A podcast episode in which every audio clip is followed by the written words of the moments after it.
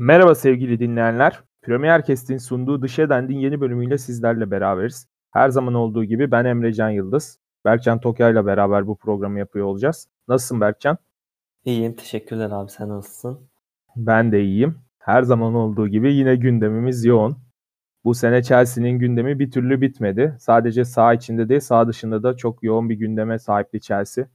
Yani önceki zamanlarda bir Lukaku kriziyle çalkalanmıştı kulüp. Şimdi de e, Abramovich'in geçen gün kulübün resmi yayın organından yaptığı açıklamayla çalkalandı. Şimdi şöyle bir durum var. Öncelikle şu anda tüm dünya zaten Rusya-Ukrayna krizini takip ediyor. Hani bilmeyen kimse yoktur ama hani bilmeyenler için yine de söyleyeyim İngiltere Rusya'ya yönelik Boris Johnson'ın deyimiyle en ağır yaptırım paketini açıkladı. Bu yaptırım paketinin içinde de Rus oligarkların e, İngiltere sınırları içerisindeki tüm varlıkları ve birikimlerine hani el konuldu, donduruldu. E, bu doğal olarak Abramovich'i de etkiledi. Çünkü 5 tane Rus oligarka direkt olarak bir yaptırım uygulandı. Bunlardan biri de Roman Abramovich. E, Roman Abramovich de Chelsea'nin sahibi olduğu için bugünkü gündemimiz bu olacak. Dilersen başlayalım. Ama öncesinde istersen bir Chelsea-Liverpool maçından bir bahsedelim. Chelsea-Liverpool maçı oynandı biliyorsun 27 Şubat'ta. Ne yazık ki yani çok eğlenceli ve kaliteli bir maçtı. Gerçekten iki takımın gitgelline oynandığı bir maçtı. Dört tane gol oldu ancak offside'dan goller gol değeri kazanmadı. Sonunda penaltılar sonucu belirledi ama penaltılarda da kaleciler tarih yazdı. Yani 120. dakikada oyuna giren Kepa penaltı kurtarılması için oyuna sokulmuştu ancak penaltı kaçırarak Chelsea'yi kupadan etti. Çok ilginç bir maç oldu gerçekten. Yani bu maçın tam öncesinde de bu yaptırım kararlarının açıklanması benim için biraz ilginç oldu. Çünkü şu noktadan gireceğim olaya. Chelsea'nin 7 Ocak'ta oynadığı Liverpool maçının öncesinde de Lukaku krizi basına yansımıştı. Şimdi de yine bir Liverpool maçı ve yine böyle bir kriz basına çok fazla yansıdı. Yani bu benim aklıma şunu getiriyor. Mourinho'nun bir sözü var. Eğer diyor bir gün yani emekli olursam ve 70 yaşına geldiğimde diyor İngiltere televizyonlarında Chelsea yorumculuğu yapacağım diyor. Çünkü diyor Chelsea'yi televizyonlarda savunan bir henüz bir yorumcu göremedim diyor. Her her yer diyor. Hani Manchester United ve Liverpool hatta Arsenal yorumcusu kaynıyor diyor. O anlamda Chelsea'nin medyada çok büyük bir gücü yok ve genelde bu tarz haberlerde Chelsea'nin büyük maçlarından önce basına yansıyor. Bu beni biraz rahatsız etmeye başladı açıkçası. Bu sefer de dediğim gibi Abramovich krizi basına yansıdı. E, dilersen başlayalım direkt. Abramovich denince senin aklına ilk ne geliyor? Abramovich denince aklıma yani hani araştırdığımda ilk sezonlar geliyor. Mourinho'yu getirdiği geliyor aklıma. Ama yani tabii ki şu anda bulunduğu ortam, e, bulunduğu durum gerçekten kötü. Chelsea düşmanlığı gerçekten İngiltere'de bence de başlamış durumda. E, yani bu Liverpool maçı öncesinde gerçekten e, hani herkes böyle bir tabir oluştu. Hani Chelsea Liverpool'a karşı değil dünyaya karşı oynadı diye. E, gerçekten e, Chelsea zaten sevilmiyordu. Şu anda en çok sevilmeyen kulüplerden biri oldu. E, yani o yüzden bizim için e, kötü bir durum oldu. Tabii ki e, yaptırımlar hani maalesef oldu. E, umarız hani bizim kulübümüz Chelsea bu durumdan ufak bir sıyrıkla atlatır diyebiliriz. Maçın özelinde de gerçekten güzel ve kaliteli bir maç oldu. Çok offside'a takıldık. Yani 2-3 tane offside oldu. Golümüz sayılmadı. Lukaku'nun pozisyonu çok tartışıldı. Offside ya da değil. Bunu e, işte siyasete bağlayanlar oldu. Abramovich bir tane kupa kazanmasın diyenler oldu. Bir tane daha kazanmasın diyenler oldu. E, yani kaliteli bir maçtı. Gerçekten Kepa oyuna girdi 120'de. E, hiçbir penaltı kurtaramadı. Son penaltıyı da kaçırdı. Gerçekten e, onun için kötü oldu. Bizim adımıza kötü oldu. Fakat e, hani Liverpool'u tebrik etmek gerekiyor. Başka maç üzerinde de pek açıkçası söyleyebilecek bir şeyim yok. Aynen öyle. Yani giden bir kupa oldu ama Chelsea'de şu an için kupadan önce hani Abramovich'in geleceği tartışılıyor. Abramovich'e girmeden önce ben biraz Abramovich'ten önce kulüp yönetiminden bahsetmek istiyorum. Şimdi genelde de az önce saydığım takımların taraftarları Manchester United ve Liverpool zaten İngiltere futbol tarihinin en büyük iki kulübü gerek başarıları gerek taraftarlarıyla beraber. Bir de Arsenal bunların yanına eklenince Chelsea'nin tarihi olmadığını söylüyorlar. Genelde Chelsea'ye buradan dem vuruyor e, rakip takımın taraftarları. E, nispeten hani doğru demeyeceğim ama hani haklı argümanları var. Çünkü Chelsea Abramovich öncesinde çok da başarılı bir kulüp değildi açıkçası. Burada ben 1982 yılına döneceğim. Yani bilmeyenler için o dönem kulübü Ken Bates adında bir adam satın alıyor. Bu adam da İngiliz bir iş adamı ve hani otel sahibi bir adam. Birçok otele sahip. Hatta Wembley Stadyumu'nun yapımında işte Premier Lig'in kurulmasında 1992 sezonunda büyük öncülük etmiş bir isim ve aynı zamanda Chelsea'den sonra da Leeds United satın alıyor. Yani futbolla yatıp kalkan bir adam. Ve Chelsea'yi 2 Nisan 1982'de 1 pound'a satın alıyor. Yani çok komik bir rakam 1 pound. Ee, gerçekten ben de araştırdım yani nasıl olabilir diye. Chelsea zamanında PSV'den Alex diye bir stoperi de yine 1 pound'a satın almıştı. Böyle bir sembolik bir ücret ödemişti. Yine böyle bir şey vardı. Baktım işte bu tarz satın alımlarda genelde satın alan kişi kulübün borçlarını üstlendiği için sembolik bir ücret ödemesi gerekiyormuş. E, işte 1 pound ödeyip 1,5 milyon poundluk borcu da üstlenmiş o dönemde. Yani 1982 şartlarında o borç tabii ki ciddi bir borç. 1,5 milyon pound ama şu an günümüzde hiçbir şey. Bir futbolcunun maaşı yani orta seviye bir futbolcunun maaşı. Ondan sonra Chelsea'yi gerçekten bir yerlere taşımaya çalışıyor bu isim. Hatta o dönem Chelsea'nin bulunduğu işte Stamford Bridge'in bulunduğu konuma birçok emlakçı oraya otel dikmek istiyor, baş ne bileyim AVM dikmek istiyor. Her türlü bir şey dikmek istiyorlar yani ama bu adam çok savaşıyor ve hani Chelsea'nin e, stadının hep o bölgede kalmasına vesile oluyor. Çünkü Londra Belediyesi de aynı zamanda Chelsea'nin bu stadı başka yere taşımasını istiyor zaten. Ancak taşınırsa eğer Stamford Bridge ismiyle tekrar hani sahip olamayacak. O isimle oynayamayacak. Ve bu da taraftarlar için büyük yara olacağı için buna izin vermiyor bu kişi.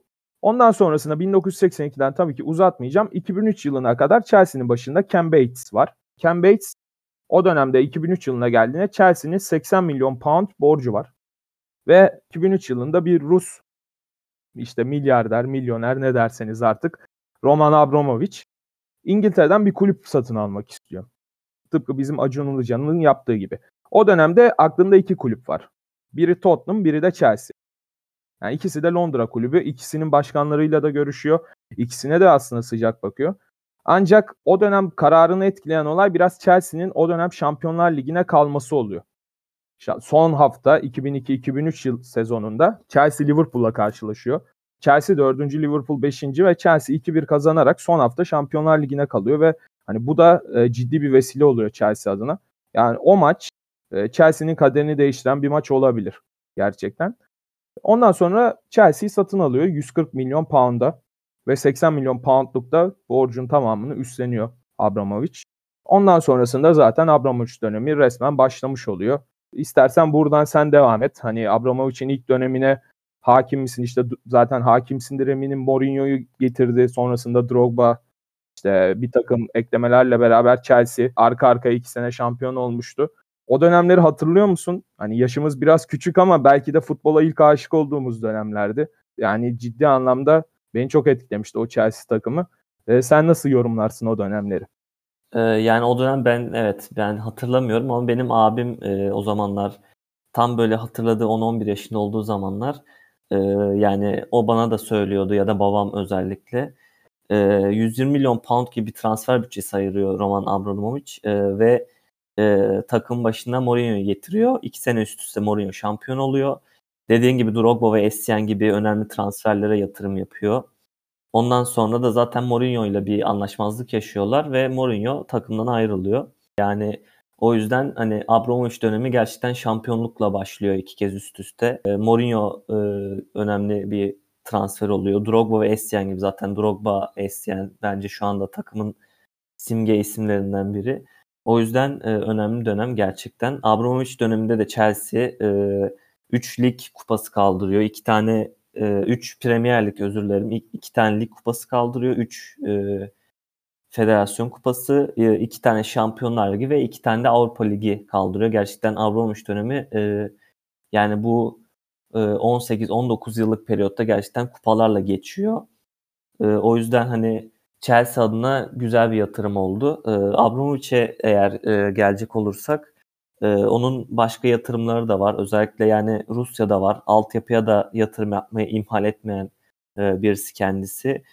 E, Abramovich Milli Futbolcu Yetiştirme Akademisi'ni kuruyor ve Rus milli takım ve CSK Moskova'nın altyapısında e, altyapısından sorumlu e, hale geliyor. E, yani gerçekten kendisi futbola çok e, önem veren bir isim kendisinin de serveti zaten Sovyetler Birliği'nin dağılmasıyla 1990'da kendisi petrol yatırımı yapıyor ve böylece servetini kazanmış oluyor diyeyim. Yani ilk dönemi böyle. Hani servetini kazanması böyle.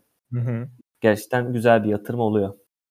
Zaten çok güzel açıkladın. Abramovich ilk kulübü satın aldığında ben yine hani o dönemden bahsedeyim. Ben de o dönemler e, yeni yeni futbolla tanışmaya başlamıştım. İşte 2004 yılları gibi. Bilmiyordum tabii Abramovich ismini ama o dönem hani mesela Chelsea'de Jesper Grønkjær diye bir futbolcu vardı. Danimarkalı Ajax'tan gelmişti.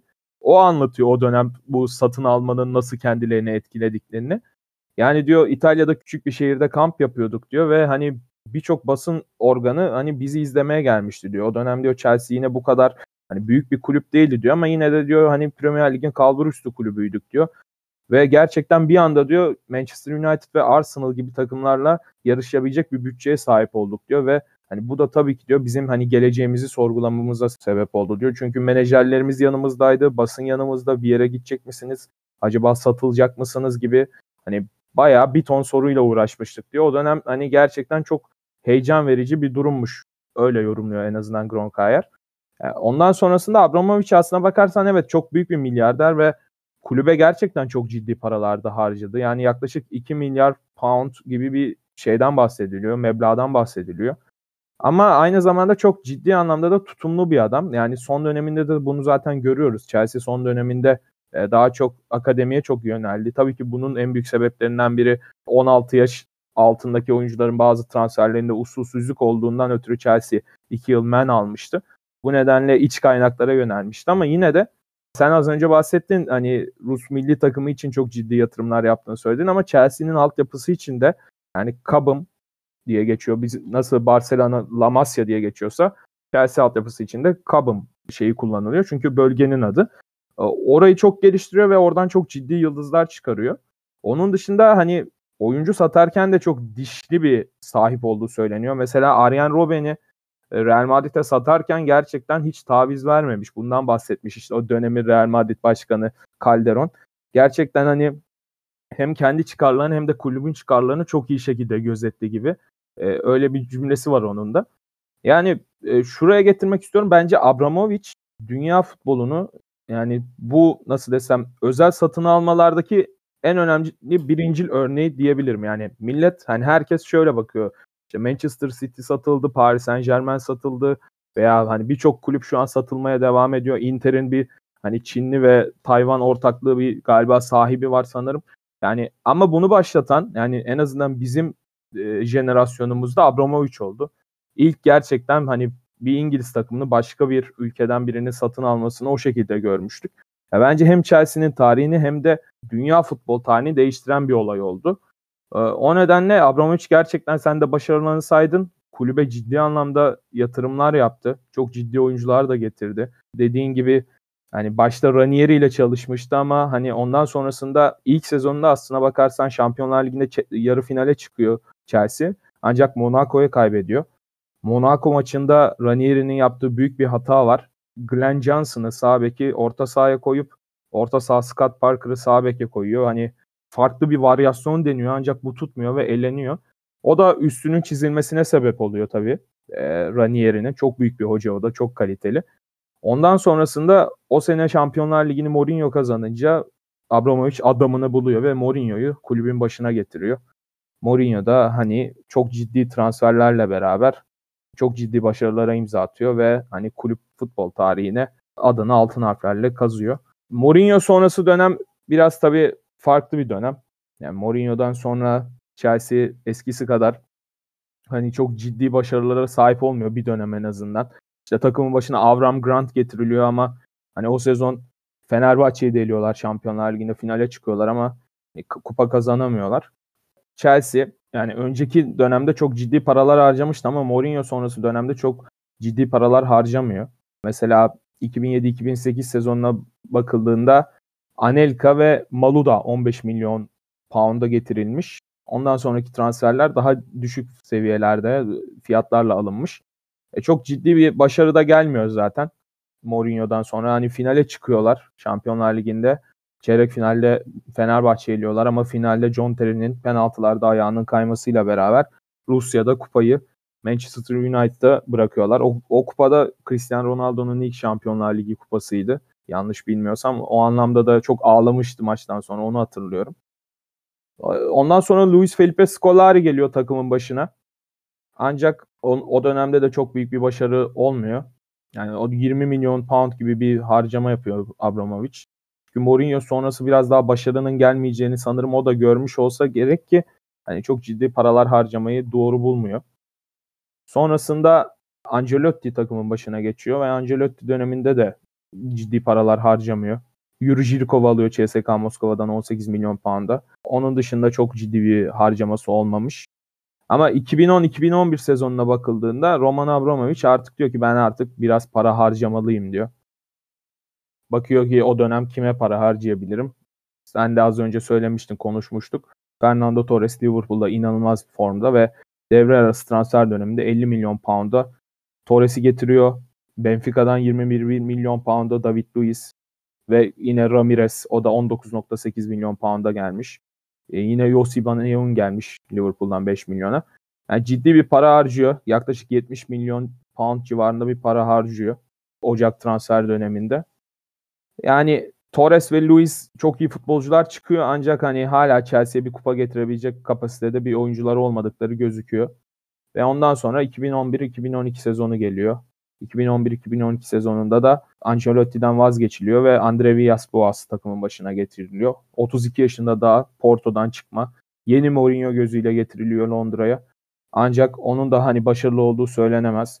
Ona da ciddi bir yatırım yapılıyor. Yani Lukaku o dönemde geliyor, Juan Mata geliyor Valencia'dan, Raul Meireles Liverpool'dan, Kevin De Bruyne, Gary Cahill gibi isimler kat, takıma katılıyor. Ancak Chelsea yine o dönemde hani e, sezona kötü başlıyor. Yaz transfer döneminde bu oyuncuları almasına rağmen. Sonrasında Villas Boas'la yollar ayrıldıktan sonra Di Matteo geliyor kulübün başına. Di Matteo da Chelsea'nin eski bir futbolcusu. Ve Di Matteo'dan hiçbir şey beklenmezken Di Matteo Şampiyonlar Ligi'ni kazanıyor Chelsea ile beraber. Gerçekten yani ilginç bir dönem oluyor o anlamda Chelsea adına. Ondan sonra bakıyor ki Chelsea hani çok ciddi paralar harcayınca başarılar da geliyor bir yandan. Ve Şampiyonlar Ligi'ni kazanmasıyla beraber tıpkı bu sene olduğu gibi yani geçen sene Şampiyonlar Ligi'ni kazandığı için bu sene Lukaku'ya ve daha doğrusu direkt Lukaku'ya çok ciddi bir bonservis ödemişti. Yani o dönemde Şampiyonlar Ligi'ni kazanmasıyla beraber Eden Hazar'ı Lille'den getiriyor 20, 32 milyona. Oscar geliyor internasyonelden 25 milyona. Yani çok ciddi gençlere çok ciddi yatırımlar yapılıyor ama yine de bence hani Hazar tabii ki akılda kalıcı bir isim ama 6,5 milyon pound'a Marsilya'dan Cesar Azpilicueta geliyor. Yani benim için kaptanlık tam tanımı Cesar Azpilicueta'dır. Çok seviyorum kendisini gerçekten. Yani iyi ki de alınmış. Yani o transfer dönemine bakıldığında benim direkt aklıma gelen isim Azpilicueta oluyor. E, tabii Hazard kulüpte çok ciddi izler bıraktı. Sonrasında Real Madrid'e 100 milyon pound'a gitmişti. Ama Azpilicueta hala burada. Yani 6,5 milyon pound'un e, getirisini hayli hayli çıkardı. Hala da çıkarmaya devam ediyor. Yani daha fazla istersen saymayayım. Yani transfer döneminde gerçekten ciddi anlamda yatırımlar yapıyor Chelsea. Kupada kazanıyor evet ama hani bir inişli çıkışlı bir dönem oluyor. Sonrasında tabii Mourinho tekrar kulübün başına geçiyor. Bir şampiyonluk da oradan kazanıyor. Sonrasında Conte geliyor. Conte ile beraber yine bir şampiyonluk. Ama hani Abramovich'in her zaman Chelsea'de yapmak istediği şey Chelsea'yi dünyanın en büyük kulübü yapma gibi bir gayesi olduğu var. var. Yani onu herkes biliyor. Yani 2012'de biraz belki şansa kazandığı gibi gözükebilir Chelsea. Barcelona deplasmanı kimsenin unutamadığı bir deplasman. Ama yani geçen sene artık Chelsea hem de Manchester City gibi bir takımı finalde yenerek hani dünyanın en büyük kulübü olduğunu herkese bence kanıtladı. Bunu hatta Kulüpler Dünya Şampiyonası'nda da yine kanıtlayarak yaptı. Yani hala saygı duyulmaması hani saygı duyulmaması bu kulübe gerçekten hani bence e, daha doğrusu insanların futbolu anlamadığını gösterir bana göre. Çünkü hani tamam evet biraz gerçekten yatırımla oluşturulmuş bir kulüp olabilir ama artık futbol bir endüstri ve bu endüstride evet paraya yer var ne yazık ki. Yani arsada değil borsada oynanıyor doğru ama hani bunu her kulüpte başaramıyor. Yani paranın olduğu her yerde de başarı gelmiyor. Bunu da biliyoruz. O anlamda hem Chelsea hem Abramovich bence hani takdir edilmesi e, gereken isimler ve kulüp olması gerekiyor. Dilersen buradan da sen devam et. Eee, yani benim de şöyle bir transfer bende Kante mesela benim için. Eee, ben Leicester'da da çok beğeniyordum. Yani o ara, eee, orta, eee, yani sezonun ortasında takip etmeye başlamıştım Leicester'ı. Gerçekten çok iyiydi. Kante'yi o yüzden Chelsea'nin alması benim için, eee, çok, eee, mutlu verici bir şey olmuştu. Eee, onun haricinde, eee, eğer, eee, Abramovich'e geri döneceksek, eee, hani onun, eee, bu vize süreci, işte yaptırımları, eee, Putin'e olan yakınlığı falan, eee, aslında bu yani 4 sene öncesine dayanıyor bu, eee, yaptırımlar ya da bu vize alamaması, İngiltere'de fiilen yaşayamaması. Eee, şöyle eski bir Rus ajanı, eee, Sergey diye ve kızı İngiltere'de 2018 yılında zehirleniyor. Eee, ve bu nedenle İngiltere ve Rusya arasında diplomatik olarak, eee, gerilimler yaşanıyor. Eee, Abramovich de o dönem vize başvurusu yapıyor ama, eee, bu gerilimler, eee, Abramovich'i vize başvurusunu geri çekmeye itiyor. Eee, ama şöyle, eee, £2.000.000 ve üzeri yatırımcı için tasarlanmış bir vize, eee, için, eee, İngiltere'ye gidiyor Abramovich. Gidip geliyordu daha doğrusu. Eee, zaten Abramovich, eee, 3 vatandaşlığı var. Rusya, İsrail ve Portekiz. Kendisi hem, eee, geçen sezon, geçen dönem, eee, nisan'da, eee, Avrupa vatandaşı oldu Portekiz vatandaşlığıyla beraber ve İsrail vatandaşı olduğu için de zaten ülkeye girip çıkabiliyordu. Eee, ondan sonra, eee, işte bu yüzden, eee, yaptırımlar, şeyler, eee, uygulanıyor. O dönem giremiyor. Sadece girip çıkabiliyor ama, eee, fiilen yaşaması mümkün olmuyor. Sadece yatırım yaptığı için, eee, vizeyle, eee, girip çıkabiliyor İngiltere'ye. Eee, 2019'da da, ş bu tabii şimdi olan bir olay bir olay fakat 2019'da bir belge çıkıyor, yolsuzluk belgesi ve bu yüzden, eee, yani 4-5 gün oldu daha. Bu yüzden, eee, İngiltere'ye girmesi, eee, yasaklanıyor, yaptırım uygulanıyor Abramovich'e. Yani şu anda çıkması tabii ki herkesin aklına tabii ki savaştan dolayı geliyor ki büyük ihtimalle de öyle yani bu diplomasi.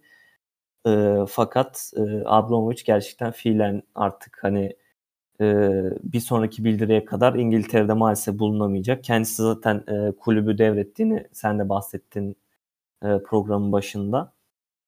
Eee, kulübü devretti. Eee, hatta, eee, son ya dün ya 2 gün önce bir sıcak gelişme Rusya ve Ukrayna arasındaki arabulucu kişi olmaya gitti Belarus'a, Belarus'taki görüşmelerde. Eee, kendisini hani temize çıkarmaya çalışıyor. Yani savaştan yana olmadığını göstermeye çalışıyor. Eee, Putin'le yakınlığı gerçekten çok, eee, yani çok yakınlar. Hatta Kremlin'le falan da, eee, yakınlarmış, eee, bu 2000'li dönemlerde, 90-2000'li dönemlerde. Eee, kendisini temize çıkarmaya çalışıyor. Eee, sen söylemiştin açıklamasını. Ben açıklamasını direkt okuyayım. Eee, Abramovich'in kulüp, eee, resmi sitesinden yaptığı açıklama. E, şu anda kulübümüzün çıkarları için kulübü en iyi yönetebilecek kişilere yetki verdiğimi sizlere bildirmek istiyorum, eee, bildirisiyle kulübü, eee, Chelsea Vakfı Yönetim Kurulu'na verdi.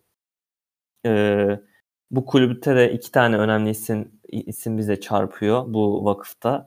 Eee, Bak yani kulüp başkanımız ve Emma Hayes, eee, kadın teknik direktörümüz yönetimi alıyor. Eee, yani zaten kararları, eee, hani karar merci neredeyse bu kişilerdi diyebiliriz. Eee, transferler, sözleşmeler ve teknik direktör değişimi yetkisi de, eee, yakından tanıdığımız Peter Cech ve, eee, Marine'ye veriliyor. Eee, yani zaten hani Abramovich'in pek tabii ki sözü geçiyordu kulüpte ama, eee, yetkiler yine, eee, Cech ve Marina'daydı. Eee, o yüzden hani, eee, kulübümüz adına pek çok değişen bir şey yok fakat, eee, Chelsea'nin, eee, 0 yara alması bizim için çok daha iyi olur. Eee, hani Abramovich gerçekten, eee, kulübünü önemsediğini bence bu kararla bir kez daha göstermiş oldu. Eee, fakat devir işlemi daha kabul edilmediği yazılıyor, eee, BBC'de, Sky Sports gibi önemli mecralarda, eee, diyelim. Umarız hani bizim için, Chelsea için, eee, güzel bir, eee, hani yara almadan, eee, ayrılmış oluruz. Eee, umarız da zaten, eee, savaş da durur. Yani, eee, biz de savaşa karşıyız. Eee, umarız, eee, dünya için en azından, eee, bir 3. Dünya Savaşı olmadan, eee, ülkeler Belarus'ta ya da görüşmelerde herhangi bir yerde yapılacak olan görüşmelerde, müzakerelerde e, anlaşabilirler diyelim. Aynen sen biraz daha siyasi boyutundan da bahsettin işin. E, tabii ki biz futbol podcast çektiğimiz için yani işimiz bu. Savaş varken bunları konuşmak belki bazı insanlar için doğru olmaz ama hani bir yandan da bu cepheden bakmamız lazım olaylara. Az önce bahsettin Abramovich evet Minsk'te bir arabuluculuk yapma gibi bir görev üstlenmek istiyormuş. Bu savaşın durmasını istiyormuş gibi bir haber basına yansıdı. Nitekim İstanbul'da da bu görüşme olabilir. Yani Abramovich önderliğinde değil ama e, Cumhurbaşkanı Recep Tayyip Erdoğan ve Azerbaycan Cumhurbaşkanı Aliyev bir ortaklıkla beraber iki tarafı masaya oturtup bu savaşı bitirmek istiyor. O anlamda dileriz bir an önce savaş biter. Hani dünya tekrardan barışa, huzura kavuşur diyelim. Hani Abramovich'e geçecek olursak da tabii ki insanların aklında şu anda hani Chelsea'nin geleceği ne olacak gibi bir soru var. Sen çok güzel şekilde açıkladın. Hani kulüpte kimlerin işleri devralacağını isimleriyle beraber söyledin. İnsanlar merak ediyor. Hala Abramovich Chelsea'nin e, sahibi. Yani takım sahibi Abramovich ama hani bu nasıl desem yönetim kurulundan bir nevi geri çekildi. Bunu nasıl söyleyebilirsin? Biraz belki hani duygusal bir anlatım olacak ama hani bazı aşklar vardır. Hani o aşkın iyiliği için hani sen kendini feda etmelisin ve geri çekilmelisin. Çünkü karşındaki sevdiğin kişinin iyiliği için senin orada olmaman gerekiyor. Abramovich-Chelsea ilişkisi de biraz buna benziyor. Şu an Abramovich'in Chelsea'nin başında olmaması Chelsea'nin daha iyi olacağı anlamına geliyor. Abramovich açısından en azından. Bu anlamda ben diyor Chelsea'ye hala bağlıyım ve Chelsea değerlerini taşıyorken diyor. Hani şu anda benim geri adım atmam en doğru karar olacaktır diyor. O anlamda kulübü bahsettiğin isimlere işte Bruce Buck, Emma Hayes gibi isimlere bıraktı. Onun dışında az önce bahsettiğim Petr Cech ve Marina kulübün zaten 2014'ten beri aslına bakarsan Marina önderliğinde kulüp hani yönetim kurulunu toplayıp bazı kararları alıyordu.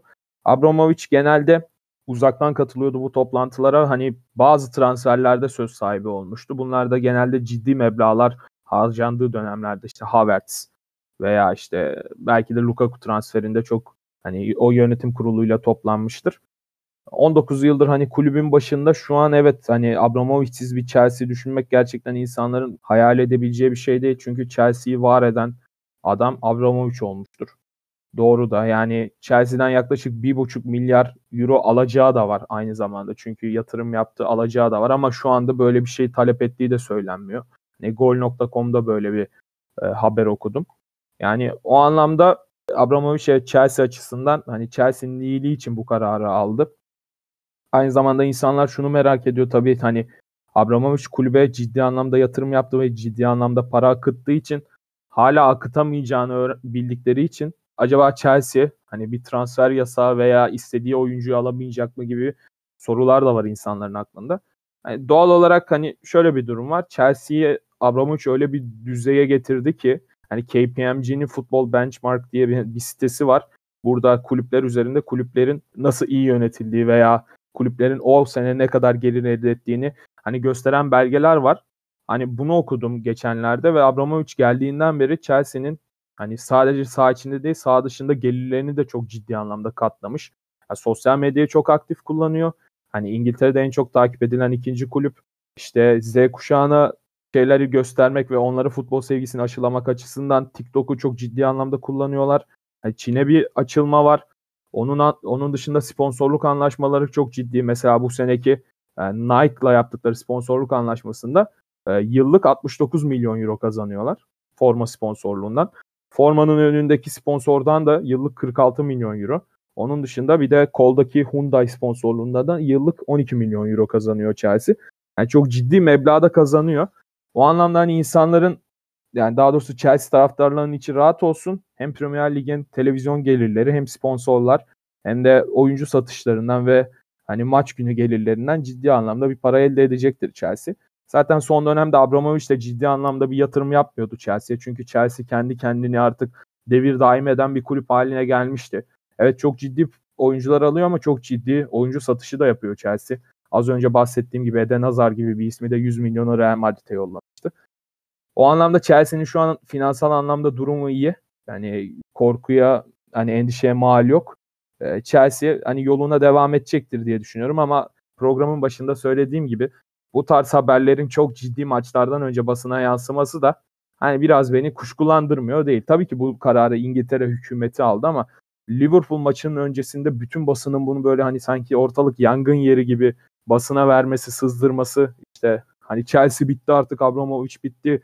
Chelsea'den bir şey olmaz gibi hani haberler yapmaları hani beni biraz kızdırmadı değil. Yani dileriz hani Chelsea daha iyi yerlere gelir. Abramovich de eğer gerçekten barış yanlısıysa Chelsea'nin başına tekrardan geçer. Evet Putin'le yakın bir ilişkisi var ama barış yanlısı olduğunu gösteriyor en azından şu an için. Eğer öyle biri ise umarız Chelsea'de hala kulübün sahibi olmaya devam eder. Nitekim Chelsea zaten iki gün önce yani resmi Instagram sayfasından açıklama da yaptı. Hani Ukrayna'daki savaş çok hani yıkım verici ve gerçekten korkutucu. Hani Chelsea şu an Ukrayna halkının yanındadır gibi bir açıklama da yaptı Instagram sayfasından. Hani savaşa hayır diyerek Ukrayna vatandaşının yanında olduğunu da söyledi kulüp.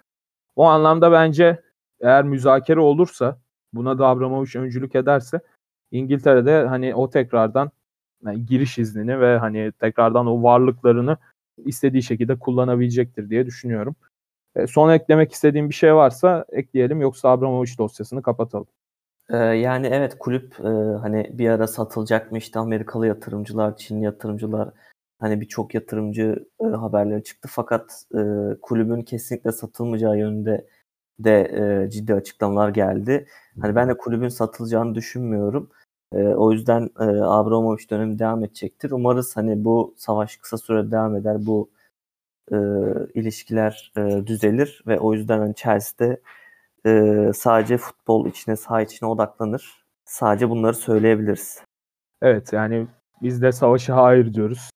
Tabii ki çocuklar için hani güzel bir dünya için, güzel bir gelecek için savaş istemiyoruz.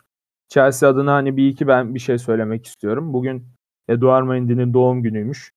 İyi ki doğmuş, iyi ki Chelsea'nin kalecisi olmuş. Çünkü çok gerçekten hani dünya çapında, dünya kalibresinde bir kaleci. Belki penaltılarda o olsa Chelsea belki de kupayı kazanmıştı ama hani burada da Tuhel'e kızamazsınız. Çünkü Kepa'nın penaltı kurtarma oranı e, Mendy'ye göre çok daha yüksek. Yani Mendy 32 penaltı çekilmiş kendisine, 30'unu yemiş. Yani gerçekten penaltı anlamında iyi bir kaleci değil. Ama Kepa'da durum böyle değil. 24 penaltının 17'si sadece gole çevrilmiş. 7'sini hani kurtarmış. O anlamda Kepa daha iyi bir kaleci olduğu için oyuna sürmüştü. Ama yine de burada Mendy'nin doğum gününü kutlayalım. Aynı zamanda bir de hani Chelsea efsanesi hani bizim tabii ki yakından bildiğimiz bir isim değil ama geçmiş tarihlere baktığımızda Peter Osgood bir Chelsea efsanesi. Onun da bugün ölüm yıl dönümü. Chelsea'de çok ciddi seneler hani oynamış. 10 sene oynamış Chelsea'de 1964 ve 74 yıllarında. 279 maçta 103 gol atmış. Bir de sonrasında 78-79'da Chelsea'ye dönüyor. Hani Chelsea'de tamamlıyor kariyerini. 10 maçta 2 golle beraber. Zaten stadın dışında da bir heykeli var. Çok ciddi bir isim Chelsea takımı için yani Chelsea tarihi için. O anlamda onun da ruhu şad olsun diyelim. Bir de onun hakkında çok ilginç bir detay var. 2006 yılında hayatını kaybediyor. 2006 yılında hayatını kaybettikten sonra 1 Ekim 2006'da kendisi yakılıyor ve onun külleri bizim programımızın adı The Shedent'in The Shedent bölümünün oradaki penaltı noktasına gömülüyor. Gerçekten hala şu an o penaltı noktasının altında Peter Osgood'un külleri var ve ilk o penaltı noktasından da Chelsea adına golü çeviren isim de Andriy Shevchenko oluyor. 2007 Aralık ayında öyle de bir durum var. Yani ilginç bir detay vermek istedim sadece. Dilersen ben yavaşça programı kapatayım. Eklemek istediğim bir şey yok herhalde. E, yani Mendy'nin gerçekten doğum günü kutlayalım. Yani penaltılarda olsaydı hani e, tabii bunu kimse bilemez. Gerçekten Kepa e, hem bu lig kupasında gerçekten hani bu Sarri ile olan e, münakaşasını da biliyoruz. E, ya da penaltılarda iyi olduğunu da biliyoruz. Gerçekten çok da iyi bir kaleci. E, yani Ederson gibi hani bir penaltı kullanması olsa gerçekten güzel bir penaltıcı olsa belki kazanırdık ama kurtaramadı da e, sağlık olsun diyelim. Takım gerçekten e, Instagram'da olsun gerekse e, yani diğer mecralarda olsun penaltıdan sonra onun yanına gidip sarılması olsun. Takım da gerçekten Kepa'ya sahip çıktı. E, taraftar da e, Kepa'ya sahip çıkıyor. Sağlık olsun diyelim. Diğer kupalarda umarız bizim lehimize olur. Evet sevgili dinleyenler bugün Abramovich dosyasıyla beraber sizlerleydik. Ee, Liverpool maçında çok fazla konuşmadık. Zaten herkes de takip etmiştir. Biraz can sıkıcı bir maçtı. bizim adımıza. E, bir kupa kaybettik ama hani önemli değil. Chelsea her zaman zaten üst sıralara oynayan, her zaman kupa finallerinde mücadele eden bir takımdı ve takım da olacaktır. Daha fazla kupa kazanacağına emin olabilirsiniz Chelsea'nin. Onun dışında da Eduard Mendy'nin doğum gününü kutladık ve Chelsea efsanesi Peter Osgood'un da ölüm yıl dönümüydü. Onu da anmadan geçmeyelim dedik. Yavaşça programı kapatayım. Evet sevgili dinleyenler, bugün Premier Kest'in sunduğu Dış Edend'in yeni bölümüyle sizlerle beraberdik. Dileriz dünyanın en iyi takımını her zaman takip etmeye devam edersiniz. Chelsea taraftarının dediği bir şey var. Once a blue, always a blue. Chelsea'nin başarılarında tekrardan buluşmak dileğiyle. Kendinize iyi bakın, futbolla kalın.